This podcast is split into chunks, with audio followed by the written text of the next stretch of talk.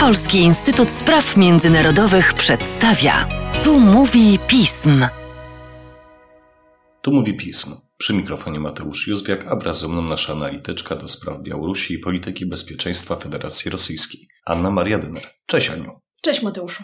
Aktywna faza rosyjsko-białoruskich manewrów Zapad 2021 już za nami. Trwała do 16 września, a w manewrach uczestniczyło około 200 tysięcy żołnierzy i 760 jednostek sprzętu i uzbrojenia. Po raz kolejny część założeń manewrów rozgrywała się przy naszej granicy, w obozie brzeskim. Aniu, co tym razem tam się wydarzyło? Dużo rzeczy, to znaczy przede wszystkim zacznijmy od tej liczby, którą wymieniłeś na samym początku, czyli 200 tysięcy żołnierzy. Wcześniej raczej Rosjanie mieli tendencję do tego, żeby pomniejszać liczbę żołnierzy uczestniczących. Raczej spore było o to, ile faktycznie bierze udział. Jeżeli chodzi o ostatnie ćwiczenia 4 lata temu, Zapada 2017, strona natowska oceniała, że mniej więcej wzięło w nich udział 160 tysięcy, mimo że oficjalnie liczba ćwiczących nie przekraczała tej związanej z dokumentem wiedeńskim. I w tym roku trochę było tak samo, to znaczy na Białorusi oficjalnie ćwiczyło 12 800 żołnierzy, 200 mniej niż wymagana liczba przy obowiązkowej notyfikacji w ramach e, dokumentu wiedeńskiego. Natomiast Rosjanie zrobili inny wymek, żeby trochę unikać również wypełnienia swoich zobowiązań wynikających z tegoż samego dokumentu. To znaczy Zapad podzielili na bardzo wiele drobnych ćwiczeń, z których każdy nie przekraczał tej liczby osób, gdzie już e, obserwacja jest obowiązkowa. Więc to jest e, pierwsza rzecz. Oczywiście te 200 tysięcy też pytanie, czy faktycznie tyle tych żołnierzy było, czy tym razem Rosjanie nie poszli w drugą stronę i nie zawyżyli, żeby nie pokazać, jak te ćwiczenia były olbrzymie i jak bardzo dużo sił i środków zostało w nie zaangażowanych. Ale warto zwrócić uwagę na to, że były to ćwiczenia bardzo szerokie, które de facto rozpoczęły się zimą tego roku i nie mam tutaj tylko i wyłącznie na myśli przygotowań sztabowych czy zatwierdzania planu ćwiczeń na najwyższych szczeblach politycznych w obydwu państwach. Widać było wyraźnie, że mniej więcej od lutego oba państwa, Białoruś, Rosja w zachodnim okręgu wojskowym, ale przede wszystkim w obwodzie kaliningradzkim ćwiczą w sposób skoordynowany. Przygotowawcza faza do zapadu zaczęła się też wcześniej niż zazwyczaj. Zaczęła się w czerwcu-lipcu. Już w lipcu pierwsze jednostki rosyjskie zostały przerzucone na terytorium Białorusi. I to, co odróżnia ten zapad od poprzednich, to jest, e, nazwijmy to, wojna hybrydowa, znowu słowo wytrych, ale zaraz się odniosę dlaczego, i wojna informacyjna, która toczy się w związku z tymi ćwiczeniami. To znaczy, z jednej strony, oczywiście, jest to kwestia pewnego braku transparencji ze strony ćwiczących, zamknięcia ćwiczeń na obserwację międzynarodową, co poniekąd y, jest wykorzystane w związku z sytuacją pandemiczną.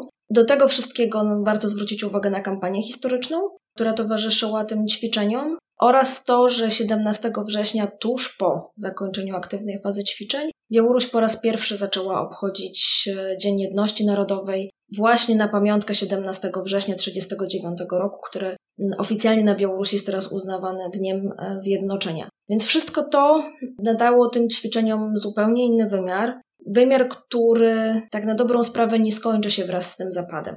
Do tego, na co warto zwrócić uwagę w tym roku, to jest e, zaprezentowanie siły przede wszystkim Federacji Rosyjskiej. Rosji, która w ubiegłym roku zakończyła z sukcesem plan przezbrojenia, która chciała pokazać ten najnowocześniejszy sprzęt. Rosji, która kolejny raz wykorzystała samoloty z komponentem jądrowym, samoloty strategiczne, czyli Tu-95MS, co również pozwala myśleć e, o tym, w jaki sposób Rosja będzie realizowała swoją strategię jądrową, że nie wyklucza tego odwrotowego uderzenia. Rosji, która chce się pozycjonować jako państwo broniące Białoruś, a nie jak zazwyczaj było odwrotnie, że to Białorusini starali się udowodnić wszystkim, że oni bronią Rosji przed e, atakiem ze złego zachodu. No i oczywiście ćwiczenia te kolejny raz miały udowodnić i pokazać bardzo wysoką interoperacyjność sił zbrojnych Białorusi i Rosji, o wiele wyższą niż ma to miejsce pomiędzy państwami członkowskimi NATO. Skala tych ćwiczeń z perspektywy NATO jest niespotykana. Wspomniałeś o działaniach dezinformacyjnych. Nie sposób w związku z tym nie odnieść się do sytuacji na granicy polsko-białoruskiej i kwestii uchodźców. Czy Zapad w jakiś sposób wykorzystał kwestie migracyjne? To było wykorzystane w bardzo specyficzny sposób i dlatego na to zwróciliśmy uwagę, że po raz pierwszy aż w taki sposób wojna informacyjna towarzyszyła dużym ćwiczeniom wojskowym. Mianowicie to, że Polska, państwa członkowskie NATO są przedmiotem prowadzenia operacji specjalnych przez Rosję bądź Rosję w połączeniu z Białorusią, jak ma to miejsce teraz, raczej nikogo nie dziwi. Są to rzeczy, które dzieją się od dawna, mają bardzo różny wymiar, choćby ingerencje w wybory, w procesy wyborcze, w sterowanie nastrojami społecznymi. I tutaj było widać wyraźnie, że nie bez powodu kryzys migracyjny zaczął być rozkręcany właśnie w momencie, kiedy Rosja i Białoruś zaczęły się przygotowywać do aktywnej fazy ćwiczeń. Oczywiście dużo osób wskaże, że ten kryzys migracyjny był białoruską odpowiedzią na unijne sankcje. Natomiast prawda jest taka, że jeżeli prześledzimy jego początki, zdecydowanie decyzja o nim musiała zapaść wcześniej, jeszcze przed tym, zanim Białorusini zdecydowali się de facto na porwanie samolotu Ryanair, zmuszenie do lądowania w Mińsku, bo choćby Straż Graniczna Litwy już od połowy maja raportowała zwiększoną liczbę nielegalnych prób przekroczenia granicy przez obywateli państw, nazwijmy to egzotycznych bardzo, bo to nie tylko byli, a w zasadzie prawie wcale nie byli obywatele Afganistanu, o czym się dość dużo mówiło w kontekście ostatniej historii z wycofaniem się wojsk amerykańskich z tego państwa.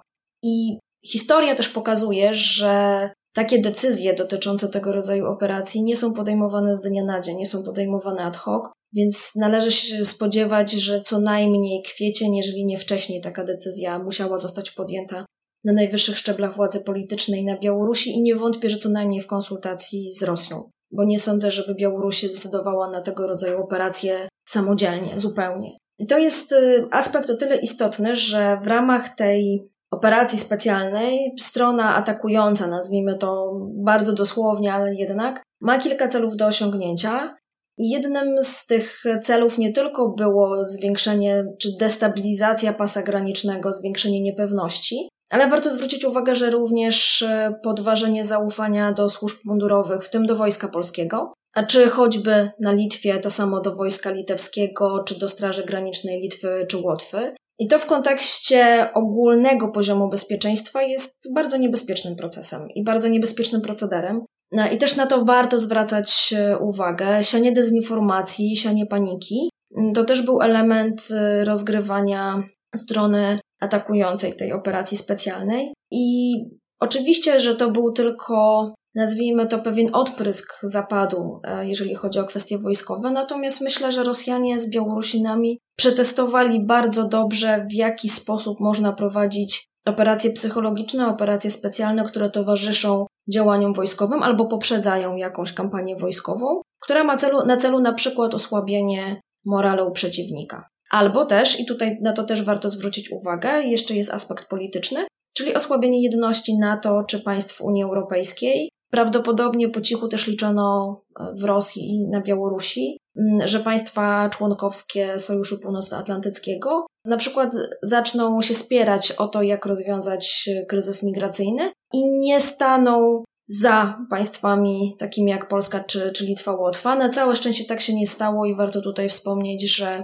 NATO bardzo stanowczo potępiło te działania i uznało je za element wojny hybrydowej przeciwko państwom sojuszu. Polityka historyczna, działania hybrydowe, dezinformacja to są mocne karty po stronie rosyjskiej i białoruskiej. Czy Sojusz Północnoatlantycki posiada jakieś narzędzia, żeby przeciwdziałać tego typu zagrożeniom?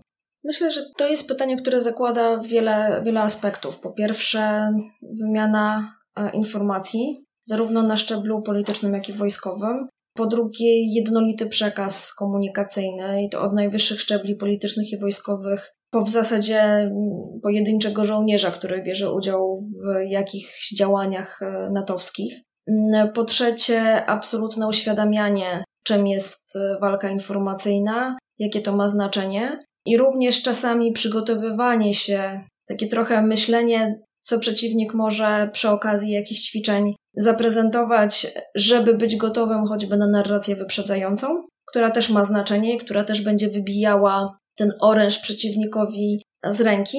Natomiast absolutnie to, co warto zrobić już teraz, to jest bardzo wnikliwe przeanalizowanie tej operacji, która trwa, w jaki sposób zostały wykorzystane czy użyte słabości wewnętrzne państw natowskich, bo też warto zwrócić uwagę, że tego rodzaju walka przede wszystkim sprzyja państwom niedemokratycznym w stosunku do państw demokratycznych. To, na co warto byłoby jeszcze zwrócić uwagę, są to absolutne szkolenia dla wszystkich, którzy odpowiadają za komunikację medialną oraz dla dziennikarzy, dlatego że świadomie bądź nie, te osoby mogą być narzędziem w rękach osób, które nie życzą nam dobrze, nie życzą dobrze państwom członkowskim NATO. I nie zakładamy tutaj złej woli, natomiast warto, żeby taka świadomość, budowanie takiej świadomości było. I to jest oczywiście system naczyń połączonych, żeby ta polityka, z jednej strony polityka komunikacyjna była wyrazista, ze strony choćby kwatery głównej, z drugiej strony, żeby też społecznie była bardzo duża świadomość zagrożeń związanych z czymś, z czym w takiej skali w zasadzie mierzymy się chyba po raz pierwszy w ciągu ostatnich kilkunastu, kilkudziesięciu lat i mam pełną świadomość, że raczej nie po raz ostatni. Szanowni Państwo, musimy pamiętać, że bezpieczeństwo państwa to proces przypominający niekończącą się rozgrywkę szachową.